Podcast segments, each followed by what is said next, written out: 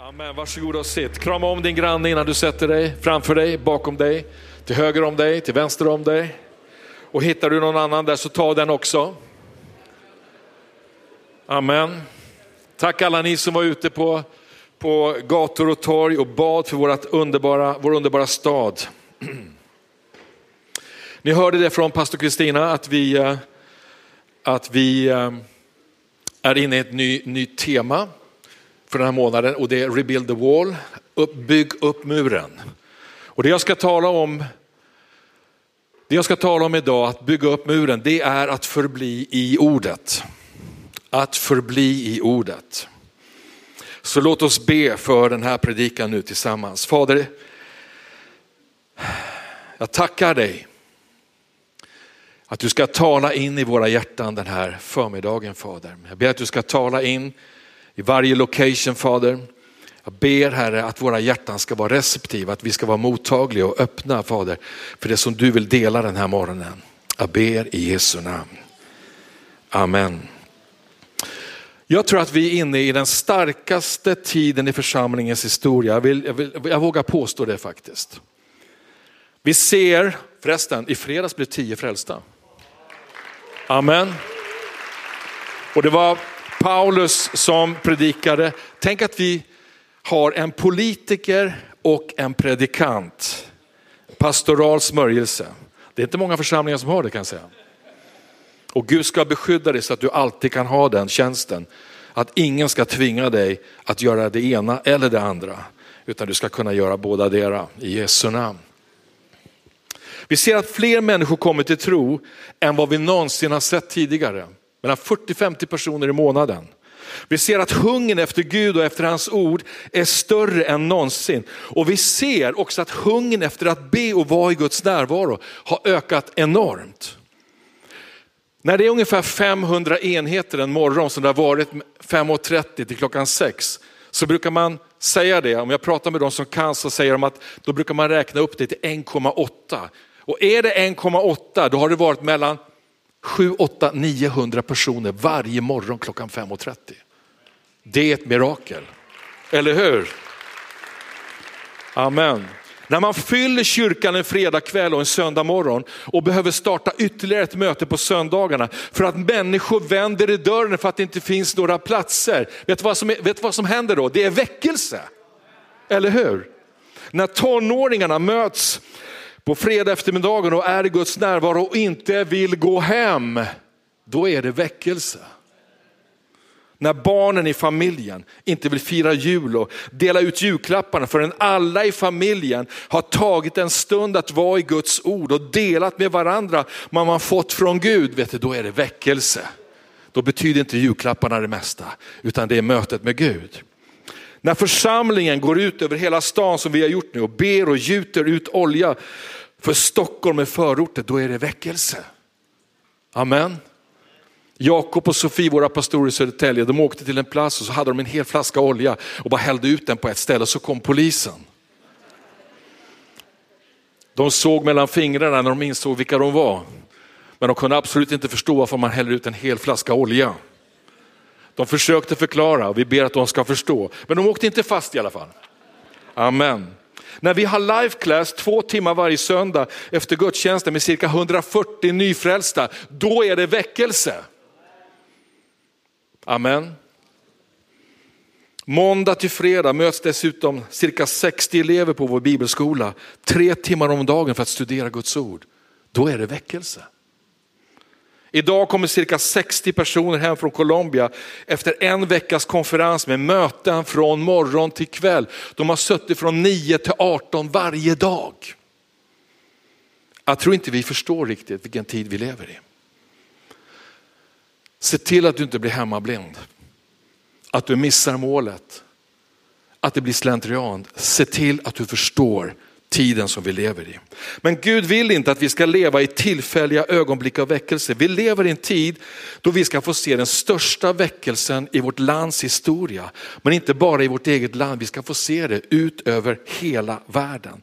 Samtidigt så kommer vi att få uppleva motstånd varför vi måste hålla oss nära Jesus. Vi måste inse att vi är totalt beroende av honom. Låt oss gå till Efesierbrevet 6 och, och läsa vers 10 till 18.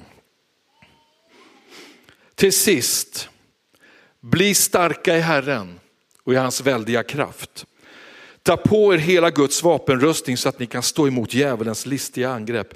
Vi kämpar inte mot kött och blod utan mot förstarna, mot makterna, mot världshärskarna här i mörkret, mot ondskans andemakter i himlarymderna. Ta därför på er hela Guds vapenrustning så att ni kan stå emot på den onda dagen och stå upprätta när ni har fullgjort allt.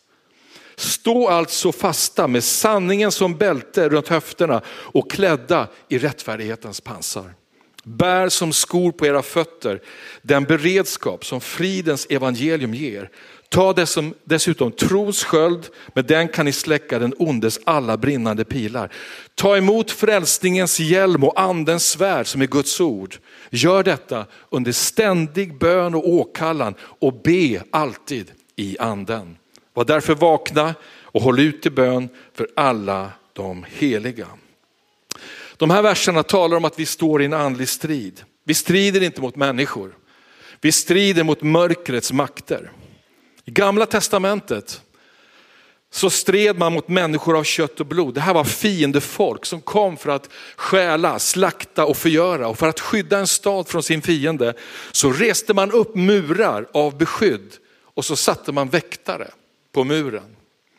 På samma sätt så behöver du och jag bygga upp andliga murar av beskydd runt våra personliga liv, våra familjer, församlingen och vårt land. Det är därför vi ber för vårt land varje söndag. Så hur kan du då bygga upp de här murarna av beskydd? Fiendens främsta taktik för att få dig och mig på fall, det är att ge oss felaktiga tankar. Därför måste vi beskydda våra sinnen, sätta på oss frälsningens hjälm. Men hur gör vi det? Jo, genom att förbli i ordet och låta ordet förbli i oss. Amen. Jag vill den här morgonen ge dig tre nycklar. Det är ofta du får mycket nycklar, men nycklar är ju viktiga. Du vet ju själv att du behöver en nyckel när du kommer hem. Idag ska du få tre nycklar. Jag tror att det är lätt för dig att komma ihåg det här. Du ska få dem så att du kan bygga upp muren kring ditt eget liv, kring din familj, så att fienden inte leder, leder dig in på fel väg. Utan att du kan gå segrande genom varenda utmaning i livet. För vi lever i en utmanande tid. Vi kommer aldrig ifrån det. Och när vi ser tillbaks på livet med Gud så kan vi konstatera att det har funnits tillfällen då vi har gått bort ifrån honom. Genast kanske någon slår ifrån sig den tanken och säger det har aldrig hänt mig. Medan någon annan blir påmind om att tiden då man varit borta från Gud var den svåraste och mest utmanande tiden i livet och vill inte ens tänka på allt det man gick igenom. Faktum är att vi har alla varit där. Jag tror att ingen är undantagen. Så vi behöver inte försvara oss. En del har varit borta från Gud i dagar, veckor, som kanske blev till månader. En del kanske har varit borta i flera år. Andra, de har levt nära Gud hela sitt liv och kanske ibland tappat lite tid i bibelläsning och bön, men under kanske bara en kortare tid. Som sagt, vi har alla varit där och därför så behöver ingen klandra någon eller se ner på någon. Framförallt ska du inte klandra dig själv om du har varit med om det. Om du någon gång har släppt taget om Guds hand så kan jag säga att han har aldrig släppt taget om dig. För han älskar dig. Amen. Men varför hamnar vi i sådana här situationer? Varför kommer vi in i grubblerier och tankar som gör att vi tappar relationen med Gud och hamnar i mörker och kommer längre och längre bort från vår fader som älskar oss så otroligt mycket och så innerligt. Eftersom vi alla varit där någon gång och kan frestas att hamna där igen så måste vi bli medvetna om vad det är som driver oss och påverkar oss. Och det är när vi följer det vi tänker det vi vill och det vi känner. När jag talar om vad våra tankar, vår vilja, våra känslor är, så är det beskrivningen av hur din, ja, din och min själ. Vad vi tänker, det är det som är vårt sinne. Vad vi vill, det är vår vilja. Det är ganska enkelt. Vad vi känner, det är våra känslor. Så det jag talar om som händer när vi går bort från Gud, det är att vi följer det som vår själ vill och inte det som Guds ande vill. Men den stora frågan är, varför vill man gå bort från Gud och lämna tryggheten, glädjen och kärleken i Guds närvaro? Jag vet inte hur det är med dig som förälder, om du någon gång varit med om att dina barn försvunnit i ett köpcentrum eller en liknande händelse. Har du upplevt situationen när barnen släppt din hand och blivit arga när de inte har fått det de ville ha och bara lämnat dig och stuckit? Eller så har du själv hittat någonting intressant och glömde att det var du som hade ansvar för barnet och helt plötsligt så vet du inte var ditt barn är någonstans. Och när du möter din fru, för det är oftast det som är förhållandet, det är mannen som... Tyvärr är det så. Och när du möter din fru så påminner hon dig om hur slarvig och tanklös du är. Jag vet det, för jag har varit där. Det är svårt att förstå att ett litet barn väljer att lämna sin mamma eller pappa på en plats som är helt främmande för dem. Men det är precis så du och jag fungerar i vår relation till Gud. När vi inte förblir i ordet och hör vad Guds ande säger till oss så följer vi våra tankar, det vi vill och det vi känner för stunden.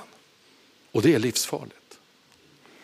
När vi väl hittade lilla Mikael, för det var han som, kom, som försvann, sittande under en massa damkläder i en butik i Skärholmens centrum så kastade han sig i våra armar. Han grät och jag förebrådde honom inte att han gick sin egen väg utan bar honom i min famn. Jag pussade på honom och jag kunde andas ut. Han var tillbaks in i värmen och in i kärleken. Jag gav mig inte förrän jag hittade honom. Det är precis så Gud gör med dig. Han lämnar, står det i Guds ord, de 99 och söker efter den förlorade. Och han ger inte upp förrän han finner dig. Och när han finner dig så tar han dig i sin famn och han bara älskar dig. Han förebrår dig inte. Så varför väljer man att gå sin egen väg? Du kanske inte gick din e- egen väg för att du var upprorisk eller hade en dålig attityd eller var besviken, vilket är väldigt vanligt. Utan du kanske tog ditt beslut för att det var det du tänkte på och ville göra och kände för just den stunden. Jag hoppas inte du tar illa upp nu, men det här är exakt det som händer när man är ett barn i Kristus och följer sin själ istället för att vara ledd av Guds ande. Vi måste lära oss att vara ledda av Guds ande oavsett vad vi känner eller tänker. Så anledningen till varför vi agerar på det här sättet är att vi som människor, vi är uppdelade i tre olika delar, vi är ande, själ och kropp. Om du, om du lyssnar till läkarvetenskapen som kan människokroppen och psyket och alla funktioner så kommer de att säga att vi är bara kropp och själ. Men det är inte sant. Och det är inte så Bibeln beskriver oss som människor, utan Bibeln säger att vi är ande, själ och kropp. Bibeln är tydlig med det här och när du ser på Jesu liv utifrån ordet så får du en förståelse om att vi är uppdelade i tre olika delar. Bibeln säger i Johannes 19 och 41 att Jesu kropp, den la sin grav. Det står där, vid platsen där Jesus blivit korsfäst låg en trädgård. Och i trädgården fanns en ny grav där ännu ingen hade blivit lagd. Där la de Jesus eftersom det var judarnas förberedelsedag och graven låg nära. Bibeln säger dessutom att Jesu själ räddades från dödsriket och som du vet så är dödsriket platsen där de döda väntar på sin dom. Därför står det i Apostlagärningarna 2.26, Jesus säger därför gläds mitt hjärta och jublar min tunga. Även min kropp får vila i trygghet att du inte lämnar min själ åt dödsriket eller låter din helige se förgängelsen. Så här ser vi Jesu kropp, vi ser hans själ. Sen läser vi i Lukas 23 och 46 att när Jesus hänger på korset så överlämnar han sin ande till Gud. Jesus ropade med hög röst, far i dina händer överlämnar jag min ande. Och när han sagt detta så gav han upp andan. Här ser du alla tre delarna. Ande, själ och kropp. Du ser även alla tre delarna beskrivna i första Mosebok 2.7. Det står att Herren Gud formade människan av jord från marken och blåste in livsande i hennes näsa. Och så blev människan en levande varelse. Så Gud formade människans kropp av jorden från marken och sen blåste han in liv i människan och Guds eget liv kom in i oss och det är detsamma som anden. Sen står det i den svenska översättningen att så blev människan en levande varelse. Men läser du en annan tydligare översättning så står det att människan blev en levande själ. Så här, har du, så här har du alla tre igen, ande, själ och kropp. Så när Gud skapade oss så skapade han anden i oss att ha gemenskap med honom. Gud skapade människans själ för att ha gemenskap med honom och hans skapelse. Och tanken var från Guds sida att vi skulle relatera först och främst till Gud och njuta av hans närvaro. Sen skulle vi relatera och ha gemenskap med andra människor, med djur, växter och allt som finns i skapelsen. Det var Guds perfekta plan. Allt som du älskar och tycker är roligt och som ger dig glädje vill Gud att din själ ska njuta av. Visst är han underbar? Sen skapar han vår kropp att ha gemenskap med hans skapelse. Så för att förklara det här kortfattat, så anden i oss relaterar till Gud, själen i oss relaterar till Gud och hans skapelse och kroppen till skapelsen. Där har vi den rätta ordningen. Sen kommer vi ihåg vad som hände. Gud säger till människan i första Mosebok 2.17 att inte äta av frukten av trädet med kunskap om gott och ont. För om de skulle göra det skulle de döden dö. Och människan gör tvärt emot mot Gud och så syndar de mot honom. Och det tragiska händer att människan gör uppror mot Gud och människan dör andligt. Kroppen dör inte på en gång utan efter ett tag. Och sen ser vi att själen den fortsätter att fungera. Och vi ser det genom att när vi läser om Adam och Eva efter syndafallet så känner de rädsla när de hör att Gud går i trädgården och de väljer att gömma sig. Eller hur? För de tänkte att då kan inte Gud se oss. Så du ser att själen är i funktion. Men de är andligt döda. Så efter att människan gjort uppror mot Gud och syndat så är det bara själen och kroppen som är kvar. Anden i människan är död. Är du med mig? Efesierbrevet 2.1 säger, ni som var döda genom era överträdelser och synder. Så när vi kom till Jesus, du och jag, och tog emot honom som vår personliga frälsare, så gjorde han vår ande levande igen. Det är någonting att prisa Gud för. Du är levande om du har tagit emot Jesus. Jesus säger i Johannes 10 och 10, tjuven kommer bara för att stjäla, slakta och förgöra. Jag har kommit för att de ska ha liv och liv i överflöd. Ibland förstår inte vi hur starkt det här bibelordet är. Jesus säger att han har kommit med liv och liv i överflöd. Det innebär att utan Jesus så finns det inget liv i oss, vi bara existerar. Om du sitter här idag och inte känner Jesus, jag är tvungen, jag är ledsen, jag är tvungen att säga att, att du har absolut ingenting för att du är död. Du är död i dina synder. Precis som du och jag var innan vi blev frälsta. Du kanske ser det i spegeln, du tittar på dina händer och säger, men jag lever ju. Nej, du existerar bara. Så när vi tar emot Jesus så väcker han vår ande till liv och upprättar vår relation med Gud och ger oss ett liv i överflöd. Amen. Det är därför du kan proklamera över ditt liv varje dag, jag lever i överflöd. Den stora skillnaden i Adam och Evas fortsatta liv, det var att nu kunde de inte ha gemenskap med Gud genom sin ande längre, utan de försökte närma sig Gud genom sin själ. Så vilken katastrof. De kunde bara relatera till Gud genom sina tankar, sin vilja och sina känslor. Adam och Eva levde före korset, men du och jag vi lever efter. Så när vi tog emot Jesus så tog vi emot Guds ande och vi blev födda på nytt. Trots det så kan vi många gånger vara ledda av vår själ istället för vår ande. Och det är anledningen till varför så många kristna har problem. För när de kommer i olika situationer så tar de beslut utifrån vad de tänker, vad de vill och vad de känner. Varför? Därför att de inte förblir i ordet och ordet förblir inte i dem. Spelar ingen roll vad du tänker, spelar ingen roll vad du vill eller vad du känner. Det enda som gäller det är vad Gud vill. Vad han säger, vad han tycker och vad han känner. Det är den enda vägen till att kunna ta rätta beslut i livet. Det enda sättet att finna den rätta vägen, att förbli i ordet och låta ordet förbli i oss. Vad viktigt det är att söka honom i Guds ord. Amen.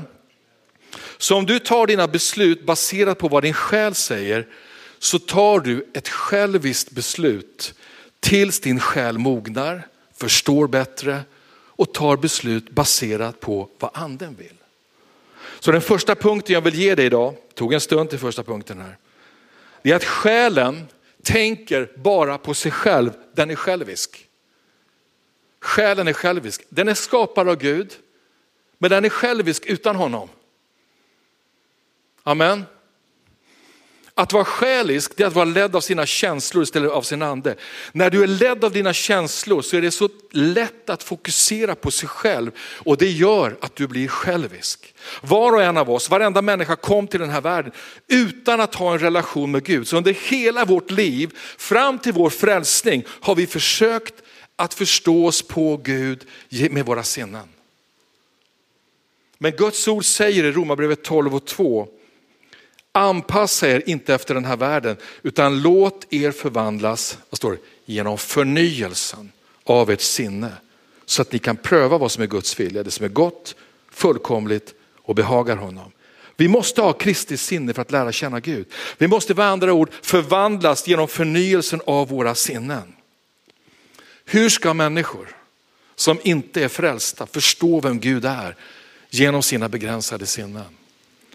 Den enda bilden av Gud de får upp, det är vad deras intellekt producerar och hur de vill att Gud ska vara. Det är därför du hör. Det, du undrar liksom ibland vem de talar om. Det finns kända personer som talar om Gud och säger att de är frälsta och du undrar vem pratar de om? Jo, det är den guden som de själva har skapat därför de har ingen relation med honom. Jag vill inte på något sätt förringa människans sinne eller intellekt, absolut inte. Det är så mycket gott som kommer utifrån vårt sinne. Vårt sinne är fantastiskt och det är så otroligt smart konstruerat av Gud. Man vet att människans sinne är konstruerat så att dagens datorer kommer inte ens i närheten. Och för att beskriva det bara lite grann bara, för jag har inte den kunskapen, men ibland försöker du komma ihåg saker, men det går inte därför att det liksom ligger i ditt undermedvetna. Det är där det ligger. Och det som ligger i ditt undermedvetna är större än vad man kan tro. Och du märker det speciellt när du möter personer, känner dofter och så vidare. Allt du upplevt i livet finns där i din hjärna. Det är väl uppdelat, det är samlat, liksom, det är kategoriserat. Det är så smart upplagt. Allt finns där. Ibland blir du chockad över hur saker kommer upp utan att du ens har tänkt på det. Förstår du vad jag säger? Dessvärre kommer saker upp när du helst inte vill, när du exempelvis ska sova. Carolina säger ofta någonting hon kommer ihåg precis när jag är på väg att somna. Och är det någonting viktigt så kanske jag inte kan sova sen. Du kanske inte har varit med om det. Ibland hamnar vi i sammanhang, ibland när vi hamnar i sammanhang så kan vårt sinne, vår själ påminna oss om saker som har hänt och som inte släpper oss. Har du varit med om det någon gång? Utan det kommer tillbaks med jämna mellanrum och det blir både besvärligt och plågsamt och din själ försöker liksom bearbeta det här och det är vad man brukar kalla ett fäste. Det är någonting som har påverkat dig någon gång i livet. Det kan vara från din barndom eller i ditt vuxna liv och det släpper inte bara dig. Det kan vara något obehagligt minne, någon upplevelse och det finns så många människor som har drabbats av olika saker i sina familjer, utnyttjande och så vidare. Och det kan vara ett trauma som ligger där. Ett fäste kan vara olika saker, det kan vara ett fäste av fruktan, av vrede, det kan vara ett fäste av lusta, stolthet, oro, missbruk. Det kan vara ett fäste av en allmän osäkerhet så fort du kommer in i något sammanhang så slår det där till bara. Därför vill jag återknyta till det jag sa i början, att förbli i ordet. För om vi inte förnyar våra sinnen med Guds ord och förblir i ordet, så kommer själen ta över vid de tillfällen du blir påmind om en händelse som har blivit ett fäste och som plågar dig. Om det fortfarande finns ett fäste av fruktan, kanske av lusta, det kanske finns ett fäste av skam eller missbruk och du inte är förankrad i ordet, då kommer du att falla. För om du har ett fäste av lusta till exempel, så kräver din själ att du ska titta på pornografi. Är det ett missbruk av något slag så kräver din själ att du tar ett glas vin eller någonting annat för att klara av situationen. Förblir du däremot i ordet så kommer själen vara underordnad din ande och du kommer säga till dig själv, jag måste in i ordet. Jag måste läsa Guds ord.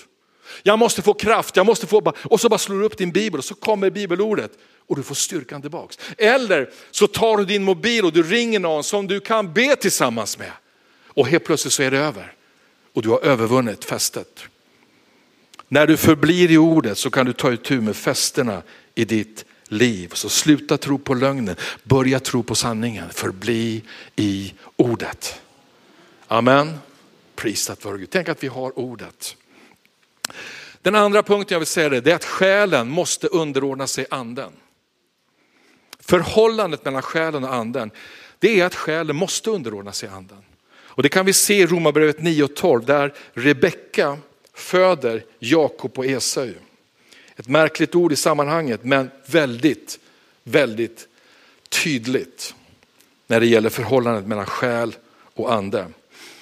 Det står där, men inte bara det, även Rebecka fick två söner med en och samma man, vår far Isak. Innan barnen var födda och varken hade gjort gott eller ont sades det till henne, den äldre ska tjäna den yngre. Romarbrevet 9.13 står, det står ju skrivet, Jakob älskade jag men Esau hatade jag. Många frågar sig, liksom, hatade Gud Esau? Nej, absolut inte, det gjorde han inte. Men det här är ett hebreiskt uttryck där ordet hata betyder att man jämför några och så väljer man någon som blir lite mer älskad. Som man tycker om lite mer. Esau han var en själisk man, det vill säga han var ledd av sina känslor och tog lätt på sin kallelse. Och det kan vi läsa om när vi, när vi, när vi läser om hur han sålde sin förstfödslorätt för en tallrik linssoppa. Och Jakob blev välsignad i hans ställe. När pappa Isak hade välsignat Jakob fanns det ingen välsignelse kvar. Så det Isak, det deras far Isak talar ut över Esau i första Mosebok 27 och 40, det är att din bror ska du tjäna. Din bror ska du tjäna. I gamla testamentet så läser vi det som sker i det naturliga. Men i nya testamentet så får vi förklaring av vad ordet säger. Och i nya testamentet så blir det en profetisk verklighet. Det här är viktigt, det är därför du behöver både och. Det vi ser här det är en andlig princip, för det handlar inte om ett äldre syskon ska tjäna de yngre i det naturliga, för så går det inte till i en vanlig familj. Utan det är de äldre syskonen att ta hand om de yngre. Det här är en specifik situation. Så du som syskon kan inte säga, jaha, nu fattar jag. Nu är det jag som tar över, säger det yngre syskon. Nej, det är inte det det handlar om. Vad bibelordet om Jakob och Esau beskriver är förhållandet mellan själen och anden. När befruktningen ägde rum i din mammas mage så kom din själ till liv och du blev en människa. Ditt sinne, dina tankar, din vilja och dina känslor kom till liv. Sen föddes du och du började leva ditt liv precis som alla andra människor och allas våra liv ser väldigt olika ut. Jag till exempel, jag föddes i en kristen familj och det var naturligt för mig att gå i kyrkan. Men det kanske det inte var för dig. Jag tog emot Jesus som min personliga frälsare och herre på allvar när jag var tio år gammal. Jag har många vänner som är både pastorer och icke-pastorer och som blev frälsta när de var 20-25 och några äldre än så. Och sen finns det många människor som blir frälsta precis innan de dör och lämnar jordelivet. Så livet ser väldigt olika ut. Men alla föddes vi med en död ande. Romarbrevet 5 och 12 säger, genom en enda människa kom synden in i världen och genom synden döden. På så sätt nådde döden alla människor eftersom alla hade syndat. Men när vi kommer till Jesus och lämnar våra liv till honom, då gör han oss levande genom sin ande. Det är därför inbjudan här efter varje möte är så otroligt speciell. För det händer någonting dramatiskt, någonting fantastiskt. Så jag levde med andra ord mitt liv i tio år och under de här tio åren så förlitade jag mig på det jag tänkte, det jag ville och det jag kände. Och min själ avgjorde hur mitt liv skulle se ut och vilken inriktning mitt liv skulle ha. Själen sa med andra ord, det är jag som bestämmer. Det är jag som bestämmer. Om du inte känner Jesus så gäller exakt samma sak för dig. Din själ bestämmer över ditt liv. Det är därför ofta livet går i en berg och dalbana. Men jag är ledsen att behöva medge att vi som har känt Jesus länge och, är och varit frälsta allt för ofta är ledda av vår själ istället för vår ande. När jag var tio år tog jag emot Jesus. Hela mitt liv förvandlades, jag glömmer aldrig den dagen. Min ande fick liv och anden sa till min själ, nu är det jag som tar över. Nu är det jag som bestämmer. Vad tror du reaktionen blev från min själ? Gav den bara efter liksom i sin ödmjukhet och sa, det är helt okej, okay. vi ska säkert komma överens. Vi ska nog komma överens. Nej, absolut inte. Min själ sa, kommer aldrig ske utan kamp. Och han har slagits ända sedan dess. Min själ har slagits mot anden ända sedan dess. Men ju mer jag kommer in i ordet och så länge jag förblir i ordet och tar emot ordet som Jakob 1 och 21 säger, så har ordet makt att frälsa min själ. Lyssna. Jakob 1 och 21. Lägg därför bort all orenhet och all ondska och ta ödmjukt emot ordet som är implanterat i er och har makt att frälsa era själar. Så när du förblir i ordet så kan inte själen säga det är jag som bestämmer. Utan anden säger det är jag som bestämmer. Amen. Ordet frälsa i den här versen betyder bevara, hela. Så när vi tar emot ordet i ödmjukhet så helar han vår själ, han helar våra tankar, han helar vår vilja och han helar vårt känsloliv. Visst är det mäktigt? Så helt plötsligt kan vår vilsna själ förändras, den kan växa upp, den kan mogna och den kan få en sund förmåga. Det står i psalm 119 och 105 som också är mitt ord för det här året. Ditt ord är mina fötters lykta och ett ljus på min stig. Det är det som händer. Det är som att slå på helljus på bilen när du åker på en mörk stig och inte har något ljus. Du bara känner dig fram. Och så slår du på ljuset och helt plötsligt ser du, oh, där kommer en kurva. Och så följer du med den kurvan. Låt mig ge dig en bild av hur anden och själen skiljer sig från varandra i, sin karaktär. Till exempel i ett äktenskapsproblem. Skillnad mellan dem ser du när du ska lösa ett problem mellan din fru eller din man och då säger anden så här, du måste lägga ner ditt liv, ödmjuka dig och vända andra kinden till. Medan själen säger, du, det är något fel här, jag tror inte du har förstått det är något fel på auktoritetsordningen. Det är dags att du slår näven i bordet och bestämmer var skåpet ska stå. Det är skillnad mellan själen och anden.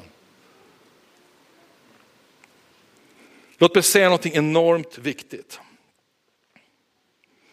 Det du ser på, det du, det du läser och lyssnar på kommer antingen att tillfredsställa din själ eller din ande. Så tänk efter, vem av de här är det du matar mest? Din själ eller din ande? Man blir allvarligt oroad när man ser hur mycket tid människor tillbringar på internet och jämförelsevis knappt läser Bibeln. Och sen undrar människor varför de hela tiden lider nederlag och inte får ordning på sitt personliga liv och sin familj. Många gånger i själavård så ger jag exemplet med den vita och svarta hunden. Den vita hunden, det tror jag du förstår, det är det goda och den svarta hunden det är det, det, är det onda. Och frågan jag ställer, vem är det du matar? För den du matar är den som kommer att växa och dominera dig. Och den du svälter kommer att dö. Så vad viktigt är att du matar din ande och inte din själ. Kung David han talade till sin själ. Det betyder att David talade till sig själv. Han talade till sina tankar, sin vilja och till sina känslor. Det står i psalm 103 och 1 att lova Herren min själ. Hela mitt inre, prisa hans heliga namn.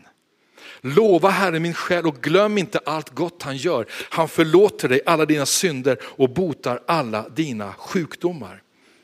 David talade till sig själv och sa att han inte skulle vara missmodig. Han uppmanade sin själ att prisa Gud. Han till och med sa till sin själ att vara tyst. För ibland låter själen alldeles för mycket. Behoven hörs alldeles för mycket. Anden är kväv på något sätt. Psalm 131 och 2 så står det, där säger David, jag har lugnat och stillat min själ som ett avvant barn hos sin mor. Som ett avvant barn är min själ i mig. Det David säger det är att hans själ är som ett avvant barn. Ett avvant barn, det tror jag du vet vad det är. Det är ett barn som inte längre diar vid bröstet. Det är ett barn som inte äter mjölkföda längre utan äter riktig mat. Men vad är då en avvand själ? Jo, det är också en själ som inte diar vid bröstet, det vill säga som inte behöver de enkla grunderna i Guds ord längre, utan äter riktig mat. Det vill säga en själ som kan ta emot djupen i Guds ord och växa i mognad. Amen. Det är tyst här nu. Jag antar att du lyssnar. Första Korintierbrevet 3 säger, bröder, själv kunde jag inte tala till er som till andliga människor, utan bara som kött, till kötsliga människor, som spädbarn i Kristus. Mjölk gav jag er att dricka, fast föda fick ni inte, för den tålde ni inte än och det gör ni inte nu heller. Hebreerbrevet 5 och 12, där säger författaren, ni borde ha blivit lärare för länge sedan, men nu behöver ni någon som lär er de första grunderna i Guds ord igen. Ni behöver mjölk, inte fast föda. Paulus talar vid flera tillfällen om kristna som är som barn och som bara kan äta mjölkföda och inte riktig mat. Han talar om omognad och att man måste växa upp och mogna i Kristus och sluta äta mjölkföda och fylla sig med riktig mat. Det är det vi växer in i när vi förblir i ordet. Lyssna på mig älskade vänner, det är viktigt att du kommer till församlingen, tar del av processerna i visionen, i life class, i destiny training och tar emot ordet som predikas så att du kan mogna i din vandring med Gud. Du kan inte leva på budskap som inte utmanar dig och formar dig. Om du söker budskap som tilltalar din själ och bara uppmuntrar dig för stunder så kommer du aldrig att mogna i din vandring med Gud. Det här är allvarligt. Din själ kommer att kräva ständigt lättsmält föda för den kan inte ta emot riktig mat. Det Bibeln säger är det som kommer att hjälpa dig. När du förblir i ordet så kommer du att växa andligt. Amen. Prisat vare Gud. Så låt oss gå tillbaka till ordet vi läste från psalm 131 som talar om ett avvant barn. Vad händer när man försöker avvänja ett barn från flytande föda till fast föda? Jag kommer ihåg det när Carolina och jag gjorde det. De grimaserade, de spottade ut maten, de slog ner tallriken och de bara skrek. De vill inte ha det. Varför gör barn på det här sättet? Vet du varför? Därför att du tar ifrån dem tryggheten och glädjen i livet. Och helt plötsligt så har du tagit bort liksom den här njutningsstunden för dem som måltiden var för dem. Och de blir förtvivlade. Barnen känner inte till någonting annat. De har i månader stoppat i sig liksom mosad eh, mjölkföda, någonting som inte smakar, jag tror jag har smakat på, förlåt. Och man känner, det smakar ju ingenting, man saknar både salt och kryddor och alltihopa. Det finns ingenting i det. Så allt det de var vana med har du tagit bort från dem. All mjölkföda. De vet inte om att det finns mat som är bättre, nyttigare och som får dem att växa och mogna. Vet du vad dina barn tror? De tror att du håller på att döda dem. Jag tror inte de tänker så. Men de blir förtvivlade för de är ju hungriga. Och det är samma sak med din och min själ. Och det är min sista, tredje punkt. Din själ, hmm, håll i dig nu, den måste dö. Det själviska jaget måste dö. Menar du att du ska ta död på alla mina tankar, min vilja, mina känslor? Nej, absolut inte. Gud har skapat det, men det måste vara underordnat anden. Det här är viktigt, därför måste din själ dö. Lyssna, jag ska förklara. Dina själviska tankar, din själviska vilja och dina själviska känslor måste dö. Du måste dö bort från dig själv. Det enda sättet, det här är det enda sättet att få seger i livet. Det du tänker, det du vill och det du känner spelar ingen roll längre. Låt oss läsa ett sammanhang som vi så väl känner igen, Hebreerbrevet 4.12.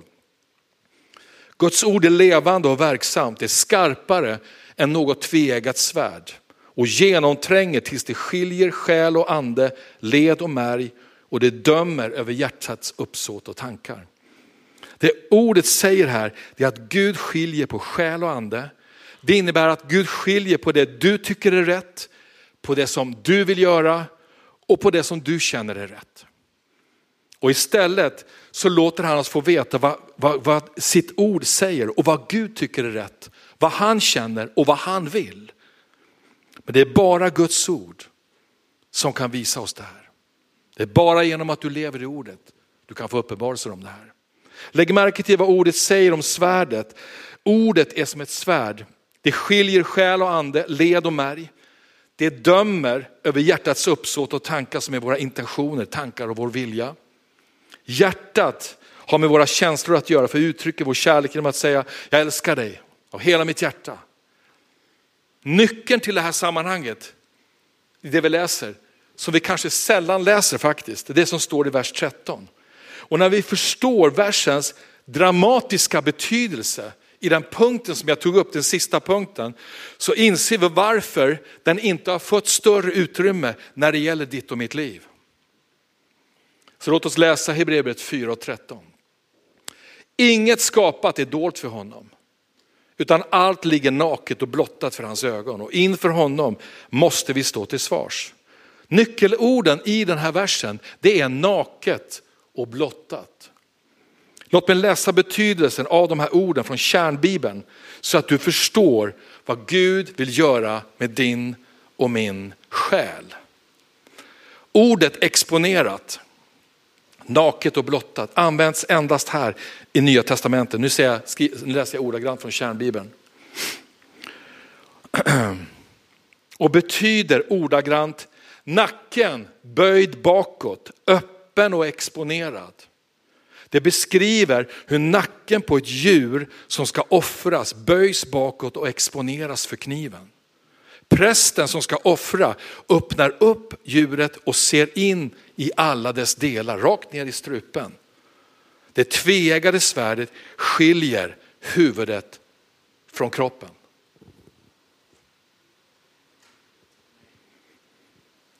Det är förklaringen. Vad som måste hända med själen. Med dina själviska, med dina och mina själviska tankar, vilja och vad vi känner. Samma sak gäller för Guds plan för din och min själ. Den måste dö, det vill säga den måste vara helt underordnad anden. Det här är vad Gud vill göra med våra oförnyade tankar, vår oförnyade vilja och våra oförnyade känslor. Han vill ta död på det här och ersätta det med vad Gud tänker om dig, vad han vill med ditt liv och vad han känner för dig. Låt mig klara en sak så det inte föreligger någon slags förvirring. Gud vill inte ta död på dig och mig. Hoppas inte du tror det.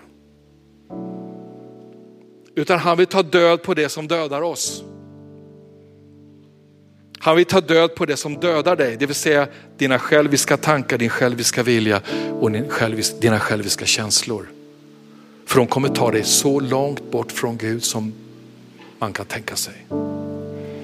Gud vill förändra ditt och mitt liv och ge av sitt liv genom att ta död på det som dödar oss. Det här är bibliskt. Paulus säger själv att han är korsfäst med Kristus. Matteus 16 och 24, där står det, Jesus sa till sina lärjungar, om någon vill följa mig ska han förneka sig själv och ta sitt kors och följa mig. Du och jag har ett kors att bära precis som Jesus. Men se vad Lukas säger, han går ett snäpp till. I vers 23, sen sa han till alla, om någon vill följa mig ska han förneka sig själv och varje dag ta sitt kors och följa mig. Varje dag. Varför säger Jesus att vi måste ta vårt kors varje dag? Räcker det inte med en gång och bara säga ja till honom och sen kan vi komma till himlen? Jag önskar att det vore så enkelt. Men om vi ska leva ett segerrikt liv så måste vi döda vårt kött varenda dag och leva genom korset. Paulus säger i första Korinthierbrevet 15 och 31, jag dör varje dag. Jag dör varje dag. Var han exceptionell? Nej. Han, var precis, han är precis som du och jag. Han dog varje dag. Paulus säger i Galaterbrevet 2.20, jag går mot slutet nu. Nu lever inte längre jag utan Kristus lever i mig. Och det liv jag nu lever i min kropp, det lever jag i tron på Guds son som har älskat mig och utgett sig själv för mig. Hur är det möjligt att leva ett sånt här liv som Bibeln beskriver och det liv som vi ser att Paulus levde? Jo, genom att förbli ordet och att ordet förblir i oss. Det är det som bygger upp murarna omkring ditt och mitt liv så att du och jag kan leva ett segerrikt liv. Amen. Amen. Amen. Ska vi stå upp tillsammans?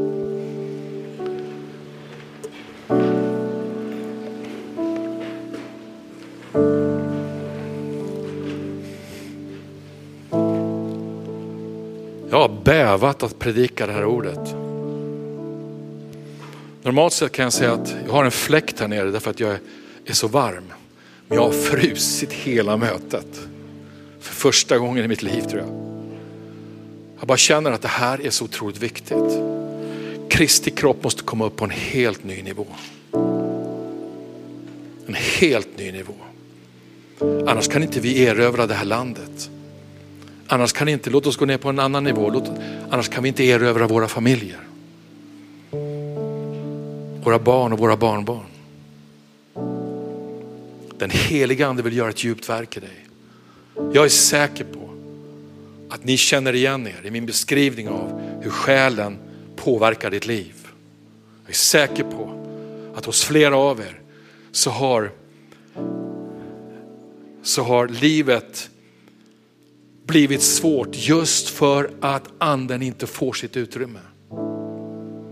Men det gör inte att Jesus älskar dig mindre. Han älskar dig med en, en så sanslöst stor kärlek. Och det har inte med resultatet att göra, men du kan leva ett helt annat liv än det du lever nu. Och det är helt säkert. Det är därför Gud vill tala in i ditt liv. Många bär på fästen och själen försöker bearbeta de här fästena. Du blir aldrig av med det. Skammen jagar dig som en varg. Skammen över varenda tillfälle som du har fallit. Skammen över att man aldrig tar sig igenom, aldrig kommer ut på andra sidan och känner att man har fått en underbar seger. Gud vill förändra det här. Amen, genom att ordet förblir i dig. Amen. Att du tar ordet och använder det. Kastar det på ordet varje gång så att säga, det sker någonting. Jag vill att vi böjer våra huvuden.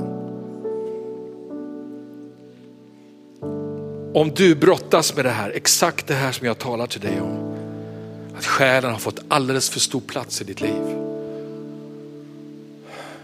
I det du tänker, i det du vill och i dina känslor. Och Det här har gjort att du ditt liv är som en, en båt på ett hav och det är gungar och du, du kan inte ens liksom, du kan inte styra det här skeppet längre.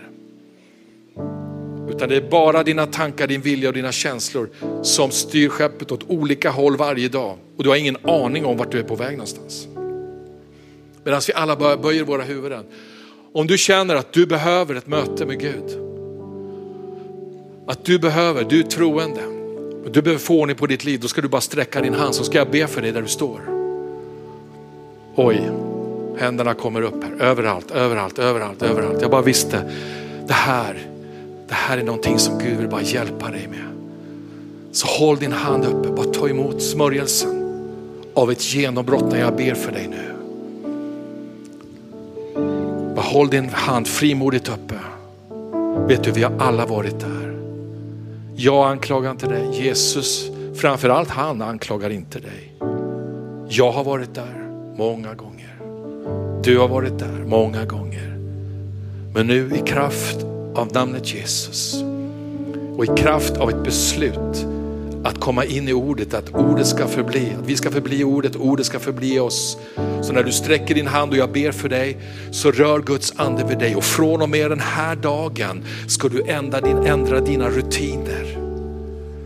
Och när du låter ordet, låter ordet komma in i dig och när du, du speglar dig i ordet så kommer dina beslut och det du tänker och det du känner få underordna sig. Och anden säger nu är det jag som bestämmer. Då är det jag som leder dig. Så Fader i kraft av blodet. Du ser varje person som har sträckt sin hand Fader. Som idag brottas Fader med fästen och svårigheter. Där själen har försökt att ta dem igenom Fader. Men du ser Herre att de har kommit till slutet av sig själva Herre. Därför låter du din helige ande röra vid dem. När de sträcker sina händer Fader så tar du den handen Fader och du lyfter dem upp ur dyn Fader och sätter dem på den fasta klippan Fader. Och ingenting ska ta deras glädje från dem igen Fader. Jag tackar dig Fader att från och med den här stunden Herre, så låter du ditt folk Herre resa sig upp i en ny auktoritet i anden Fader. Och jag tackar dig Fader att du säger anden i dessa människor Fader, nu är det jag som tar över. Nu är det jag som bestämmer. Och, an, och, och själen får underordna sig. Själen får underordna sig. Själen får backa och buga inför att du tar över Herre i varje persons liv. Tack att du gör det nu Fader. Tack att du gör det nu Herre. Nu tas beslut Fader. Att nu ska jag börja läsa Bibeln, nu ska jag be. Jag ska ha rutin på det här för att upprätthålla styrkan och kraften. Och därför Fader så tackar jag dig att Ordet ska frälsa var och ens själ Fader. Ska frälsa var och ens själ. Jag prisar dig för det Herre. Tack att du tar emot dem Herre. Tack att du lägger dina händer på dem just nu. Tack att du vakar över dem Fader. Tack att du beskyddar dem Fader från den här stunden. I Jesu Kristi namn. Bara ge Jesus en applåd, bara tacka honom. Bara prisa honom.